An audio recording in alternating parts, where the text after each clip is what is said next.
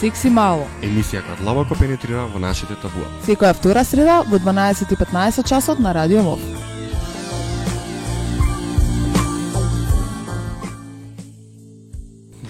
И 15 попладне, а, секси мало на радио, на Радио МОВ. Заедно со мене во студиото Климентина и Лина. Здраво. Денеска зборуваме за трговија со луѓе а, и ставаме акцент на сексуалната експлоатација. А, тема која што е доста интересна и а, која што токму пред некој ден на светско ниво има прогласен ден, односно 4 март, за кој што нешто повеќе ќе, ви каже Климентина понатаму. А, што све се одбележува, односно за што подкриваме свес на 4 март. Зборуваме за што се вклучува трговијата со луѓе, како да се заштитиме, какви се ситуациите во светот и што е она што е клучното за сите млади, за да ги знаеме како информации за војнина, да а, на некој начин делуваме активно, а воедно и подкредеме некакви промени доколку увидиме дека нешто се случува на тоа поле. Така, Кико. А, иако поминаа само 4 дена, 4 март постои како светски ден на борбата против сексуална експлоатација и трговија со луѓе. Иако има исклучоци, но во повеќето случаи жртви на сексуална експлоатација се жените и децата, и тоа е проблем од светски размери. Проценето е дека во секоја секунда од денот во просек 8 жени, девојчиња и млади момчиња се предмет на се предмет на меѓународните криминални мрежи, каде што единствената цел е да бидат сексуално искористени, продадени и третирани како робове. Очигледно е дека овој процес ги загрозува нивните основни права, вклучувајќи го правото на слобода, достоинство, правото на живот и правото да имаат контрола врз своето тело секако, и светскиот ден на борба против сексуалната експлоатација и трговија со луѓе, без разлика во која држава се наоѓаме, има за цел да го привлече вниманието кон овој голем светски проблем. Се соочуваме со работи што постојат во црните делови на општеството, балансирајќи ги на врвот на илегалноста, сексуалната експлоатација често поминува незабележана. За жал, се случува да никогаш веруваме во во убави сништа кој што некој ќе ни ги кажа и на крајот од денот се случува да некој од нас а, дојдат во тој ланец каде што стануваат првично луѓе кои што се изврбувани, потоа жртви на трговијата со луѓе и а, во за жал во одредени случаеви веќе и сосема нешто друго за кое што ќе зборуваме подоцна. А, ова е една тема која што на вистина е важна за сите млади заради тоа што а, го имаме оне феномен на одлив на мозоци кој што го наракуваат. Меѓутоа, од друга страна па и мора точно да ги провериме информациите каде одиме, дали одиме за студии, дали одиме за вработување, кој е работодавачот, дали тој на вистина постои со цел да се заштитиме прво себе си, а исто така и доколку имаме некој пријател или пријателка кој што оди некаде да а, му помогнеме заеднички да ги провери информациите каде што а, оние информации кои што му се потребни за местото каде што оди, со цел да биде сигурен дека оди на вистинското место и оди безбедно до вистинското место. Така, и обично кога збориме за оваа тема, кога ќе спомнеме сексуална експлоатација или трговија со луѓе, си велиме, аха, да, добро, ова се случува никаде во светот, тоа кај нас го нема тука. Затоа, за да чуеме каде е најмногу распространата и кој е најчесто засегнат од овој голем проблем, ќе ни каже Лина. Јас ќе се вратам назад во студиото по едно одлично отпуштање со добра музика, па потоа ќе видиме каде е распространата и кој дел од светот највеќе го опфаќа.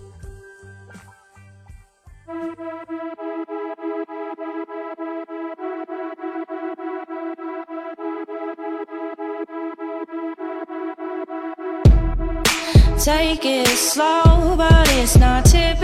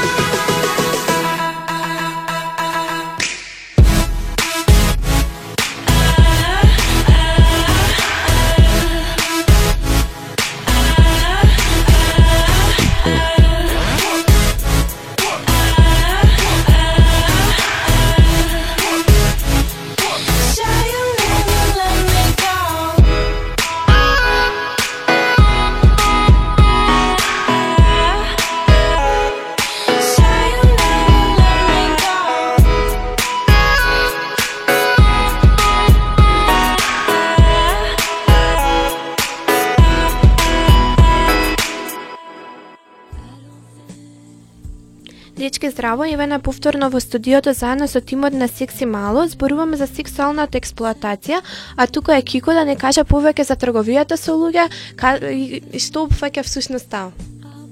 Um, ке оставиме фокусот на сексуална експлоатација, да, меѓутоа трговијата со луѓе е, ако ја замислиме вака визуелно, е еден голем балон кој што вклучува многу повеќе работи од само сексуална експлоатација. Меѓутоа, првично трговијата со луѓе е кривично дело, што е кривично дело од голем ранг, е на вистина а, високо класифицирано во законите за а, во правниот систем, заради тоа што а, практично вие тргувате со нечив живот на крајот од денот, што е доста специфично. А исто така, а, трговијата со луѓе представува најсурово кршење на човековите права.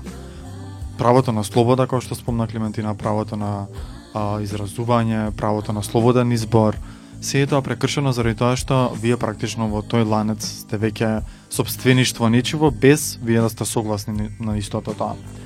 А, трговијата со луѓе има повеќе цели, меѓутоа првично а, се користат некои специфични специфични се користат некои техники кои што трговачите ги применуваат, односно најчесто применуваат сила, користат закани, ги заплашуваат луѓето, а, вршат принуда и во крајна линија се случува и киднапирање на личноста која што е жртва.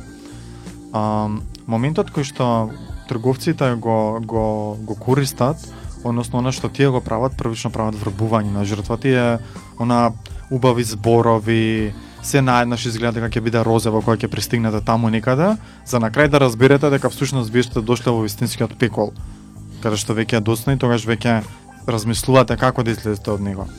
А, трговциве, како трговциве, врбувачите всушност користат доста специфични техники. Користат врбување, користат измами, а, користат првично кога ќе извр... кога ќе ги измамат, изврбуваат луѓето, им организираат превоз, пренос до местото кај што треба да стигнат, па ги прифаќаат, па Доаѓа доаѓаат да, до една ситуација кај што викаат аха, е сега супер стигнавме до овде, ај сега ни требаат вашите документи за да завршиме некоја процедура, каде што директно па тогаш веќе во друга држава доколку вие го немате пасошот, немате да докажете како вие сте вие или како сте дошле тука.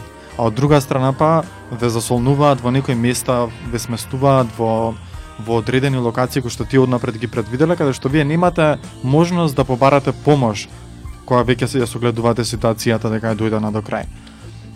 Ги засолнуваат жртвите како што спомнав и многу често и ги кријат жртвите, ги засолнуваат на позиции каде што тотално се недостапни до до пошироката јавност, што до пошироката јавност, до другите луѓе всушност. Некако ги изолираат со цел да безбедно го трасираат патот за да ги истргуваат овие луѓе. А, најчесто повеќе работи вклучува трговијата за луѓе како трговија за луѓе. А, првично ајде да кажеме присилна работа, некако формат кој што прв можеме да го спомнеме. Потоа има лажни бракови кои што и како се случуваат и сме свесни, ќе зборувам малку понатака. Има присила на правење кривични дела, а, ги користат да а, ги користат жртвите да питачат, да крадат, во крајна линија да претапуваат, добиваат, и слично. А, еден еден исто еден исто формат кој што влегува во рамки на трговијата за луѓе, а, со луѓе е и вадењето на органи, кој што е доста развиен. особено овдека пак се тргуваат деца. Поради тоа што викаат, мислам, размислуваат дека децата всушност имаат да кажеме, иако лошо звучи, можеби најсвежни најсвежи органи, најнедопрени, најмалку а, искористени, најмалку незагадени, меѓутоа најмалку токсирани со одредени а, течности и отрови кои што во телото може да, да ги внесеме. И на крај ставаме фокус на она што денеска ни е тема, а, сексуалното искористување. Кога зборуваме за за сексуално искористувања, зборуваме за искористување на жртвата како а, вид на, на тргување со тело, односно а, проституција, која што е само еден вид на експлуатација. Другиот вид пак е сексуалниот туризам и во некои средини како што е југоисточна Азија, забран, забранети се а, за овој а, бизнис традиционално се намалени и потполно игнорирани за разлика од другите места во светот. А, со ова го потикнуваме растот на оваа индустрија, односно го потикнуваат растот на оваа индустрија, каде што туристите, најголем дел мажи, патуваат до овие земји каде би можеле да уживаат во сексуални активности со помали а, момчиња или девојчиња. Практично а, одат некаде да патуваат за да се завршат одредена потреба која што е од сексуална а, од сексуалната сфера.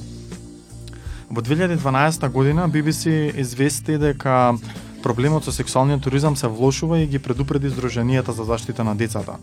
Некаде околу 250.000 луѓе патуваат во а, Југоисточна Азија на годишно ниво за да само за да имаат секс со малолетници, што на вистина е еден фрапантен податок кој што реално е застрашувачки заради тоа што можете да, да замислите дека 250.000 луѓе мигрираат само за да имаат секс со малолетници. Од друга страна па искористување на на малолетниците.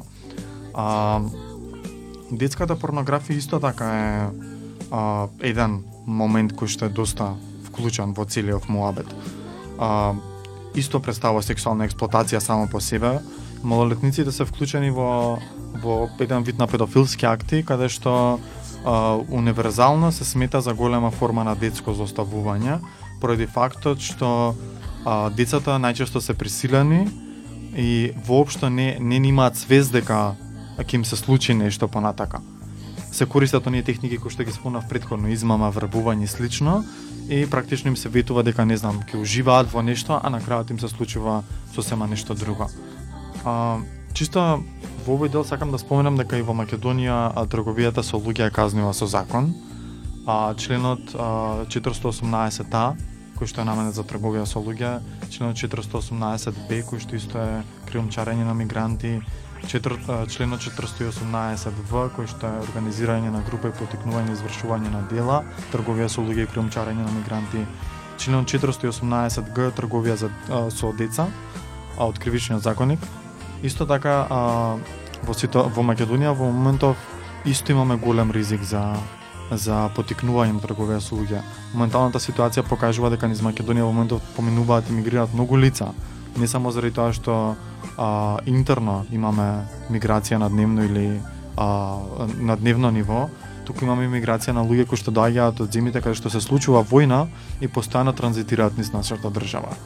Исто така, еден од вид, а, најзастапен вид покрај а, покрај овие кои што ги споменав, исто се случува и во случај на, на војна, се тргуваат а, жртви со цел да а се донесат девојки, каде што се случува војната со цел армијата да на некој начин си ги задоволи своите потреби, меѓутоа ова е кривично казниво а, дело и а, еден тотално неетички момент кој што се случува. Тоа беше се за трговијата со луѓе и тоа делот од Македонија каде што е таа каков какви се правилата во Македонија во врска со трговијата со луѓе и сексуалната експлоатација. Јас би сакала да се надоврзам на тоа што го кажа е, Кристијан и да зборувам за каде е таа најчесто распространета како едно од најпоставуваните прашања во врска со сексуалната експлоатација, но тоа ќе го слушнеме по музичката пауза.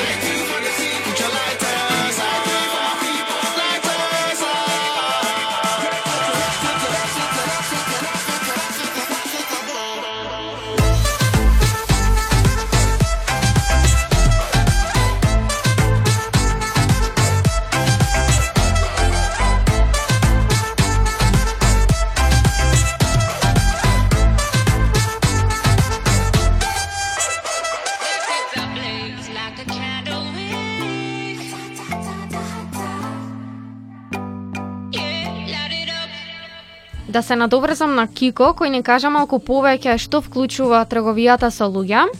За да знаеме како да се заштитиме, ајде прво да позбориме, да позборуваме малку за тоа кој се може да стои зад овие а, криминални действија, односно кој се може да биде трговец. Па така, трговците може да се кријат позади некои бизниси како сомнителни агенции или лажни огласи кои нудат работа за чување на деца, домашни помошнички, келнерки, манекенки, секретарки, болничарки, деловни придружнички. Исто така, агенции за модели, агенции за склопување брак и познанства, агенции за работа во хотели, ресторани, барови, агенции за работа на брод, градежни работи, туристички агенции и интернет агенции. Но трговците може да бидат и индивидуалци, и тоа твои познаници, пријатели или роднини. Што треба да направи секој од нас во тој момент? Да ја провери легитимноста на агенцијата преку која сака да се вработи, да ги избегнува огласите за работа кои се подпишани само со име или мобилен телефон, да не прифаќа работа ако се сумнева во веродостојноста на договорот, пред да потпише договор за работа, да се советува со правно лице или некоја невладина организација, деталите за работата да бидат наведени на писмен договор, да внимава на време траењето на договорот и последиците од неговото прекинување, да ги извести родителите, старателите или пријателите за своите планови, или пак нека се јават на некоја од ТСОС линиите на отворена порта за да добијат повеќе информации. Но тоа не е се. Што можеме уште да направиме? Да дознаеме повеќе за проблемот и со тоа да ги надминеме своите предрасуди, дека овој проблем им се случува на другите, мене тоа нема никогаш да ми се случи, дека тоа постои само на запад или на тој што му се случило е глупав, необразован или сами си го барале. Да зборуваме гласно за овој проблем со своите пријатели и да ги упатиме другарите и пријателите од своите обкружувања за повеќе информации за проблемот на трговија со луѓе. На вистина треба да да зборуваме јасно, гласно и вистински да го артикулираме гласот а, кога станува збор за овој проблем, бидејќи сите не за сега. Никогаш не знаеме а, кој во кое време и што ќе ни понуди, да кажам, на некој начин, а воедно и што све а, ќе ни се случи. заради тоа што на крајот од денот а, ние може да запознаеме супер личности, не велам дека сите личности се трговци со луѓе, меѓутоа може да ни се случи да токму не идеме на, на некоја личност која што ќе ни изврбува така добро, ќе користи убави зборови, ќе имаме убави приказни, каде што на крајот од денот ќе влеземе во, во тој ланец на трговија со луѓе. За какви се ситуациите во светот, што све се случува на ова поле, а, што е она кое што е важно уште еднаш да го а, напоменеме и поентираме во однос на Македонија и на светот, во однос на оваа тематика трговија со луѓе. После неколку најави во емисијата Секси мало, Лина зборува. Всички имаме мене со прашањето кое го зачнавме уште на почетокот од емисијата, тоа е каде е најмногу распространето. И како што кажав предходно, ова прашање не може потполно да се одговори бидејќи постои многу држави во светот кои што веруваат дека не постои само затоа што они не го виделе со своји очи и многу луѓе кои што го мислат истото. Ова представува еден меѓународен проблем. Некои места во светот се поранливи отколку други во однос на ова прашање. Такви се районите на јужноисточна Азија, Источна Европа и некои делови од Латинска Америка Америка и Карибите. Жените од овие предели кои се дел од трговијата со луѓе најчесто се носени во така наречени развиени земји каде што се подмет на проституција. Покрај постари тинеџери или тинеџерки кои се инволвирани во трговија со луѓе, младите девојчиња и момчиња најчесто стануваат блиску до нивниот регион или место од каде што потекнуваат. Според УНИЦЕФ, процентот е дека повеќе од 3 милиони деца на светско ниво се жртви на проституција и дека децата изнесуваат цела една третина од сексуалните работници или работнички во Азија. Најчесто оваа ситуација се појавува во сиромашните средини во кои родителите не се едуцирани и немаат средства за екзистенција и тие не се во состојба да ги одгледуваат децата во поволни услови. На нив им пристапат сомнителни лица кои им ветуваат дека ако доброволно прифатат на понудата ќе ги чека светла иднина и многу подобра средина за живење од сегашната. Од моментот кога децата ќе се исклучат од кругот на нивните родители и пријатели, го губат идентитетот, стануваат лесен плен на тие криминални мрежи и се е, искористени за сексуална работа и секаков вид на трговија која што споменавме предходно. Дури богатите земји се афектирани бидејќи има проценка дека во САД дури 300.000 деца се на ризик на да станат дел од сексуалната експлоатација, најмногу во форма на детска порнографија. Интернационалната трудова организација проценува дека на годишно ниво околу 1 милион луѓе се предмет на трговија со луѓе, од кои 98% се жени и деца, а останатите се млади мажи и момчиња. Неголемите меѓународни криминални действија се трговија со дрога и оружје, но сексуалната експлоатација и проституцијата се наоѓаат веднаш за нив. Меѓународната трудова организација вели дека индустријата со трговија на луѓе за сексуална експлоатација заработува од 7 до 12 билиони долари како почетна заработка, а со испорачување на жртвите до бараната дестинација дури 32 билиони ќе бидат ќе бидат исплатени. Иако огромни суми на заработка се во прашање, многу ретко жртвите добиваат дел од таа заработка, што ја прави оваа индустрија како модерен начин на работење. Ова би било се во врска со ова прашање и е, веројатно вие суми се многу доста големи за да се верува дека постојат, сепак тие се распространети, а има на секаде во светот како и кај нас, како што кажав предходно, и тоа би било се од мене. пак изгледа само на крајот се појавува во влоковите на сите нешто да им докажам. А, ова е бројките кои што ги спомнуваме се навистина големи бројки, можеме да замислиме колку многу пари станува збор. А, на вистина е сериозна ситуацијата и на вистина не се случува таму никаде се случува во сите нас. А, така што овие бројки само нека одзвонуваат како момент кој што треба да го имаме во главата дека на вистина се работи за еден голем илегален бизнис кој што многу од малко, малку од луѓето го приметуваат, а кога ќе дојдат во него, веќе многу тешко можат да се извадат од ситуацијата, да го пријават случајот, да апелираат до другите, заради тоа што се заробени на некој начин. А, одиме со уште еден блок музика и се враќаме назад во студиото. you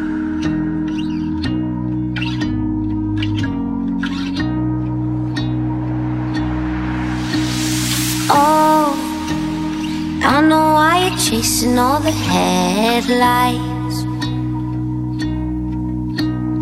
Oh. Cause you're always trying to get ahead of life. Baby, when you go, you know I'll be waiting on the other side. And I know it's cold, but if you stay, then I could keep you warm at night. Don't be a fool for the nights. I know it's cool, but it's only light.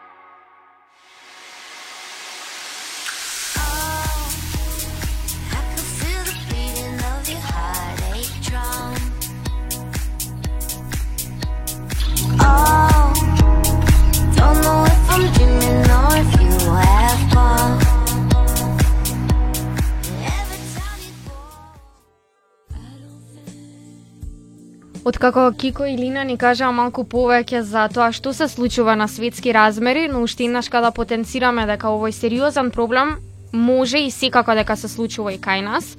Откако кажавме кои се може да биде засегнат од овој крим, од ова криминално действие, како да се заштитиме и што можеме што можеме да направиме за да ги информираме нашите врсници. Um, доаѓа моментот каде што ќе се одјавиме од оваа емисија и уште еднаш ќе ве подсетиме дека Светскиот ден на борба против сексуалната експлоатација и трговија со луѓе не подсетува уште еднашка на работи кои што постојат во црните делови на ова општество, кои се балансираат некаде на врвот на легалноста и сексуалната експлоатација и трговијата со луѓе често поминува незабележана. Тажната вистина е дека ова тргување уништува милиони животи секоја година, но е трговија која функционира само како резултат на перверзни барања на други. Одговорот е да се отстранат таквите барања и ке нема потреба од побарувачката, но тоа е многу тешка задача. Ако не е толку тешка, вклучувајќи го сечи придонес, може да се работи барам за а, прашање на време. Но со постоењето на интернационалниот ден постои шанса да се постигне да се подигне свеста за интернационалниот профил на овој проблем и тоа секако дека е чекор во правата насока на делување. А, време е вистински уште еднаш ќе апелирам да го а, артикулираме гласот, односно вистински да кажуваме и да зборуваме за овој проблем. не се случува таму никаде, може да се случува и околу нас без при тоа тоа да го знаеме. Време е да ги користиме сите оние механизми на проверка и во крајна линија и на заштита, кој што ги спомена Климентина. Ако имаме ситуација која што се сомневаме да зборуваме гласно и јасно, да побараме помош доколку ни е потребна. Во, во нашата држава постојат организации кои што се занимаваат со овој проблем, работат на овој проблем и се подготвени да одговорат на сите прашања кои што ги имаме. М, време е да како млади малку а, ја подкренеме свести да не кажуваме дека сами си го барале, туку дека едноставно некојаш во животот се случуваат ситуации каде што не сме си го барале, а дошло до нас тоа нешто. И време е да а, им помогнеме на сите оние кои што не се сигурни или пак може би имаат ситуација каде што на вистина им е потребна помош. Мислам дека кажавме доволно во врска со оваа тема, ве наведовме да размислувате пред да направите некој чекор кога нешто е несигурно или непроверено и мислам дека треба сега да се одјавиме. Тоа беше се за оваа емисија и чао од мене и чао од сите тука во студиото. За две недели од сега 12 и 15 Радио Мов. Среда.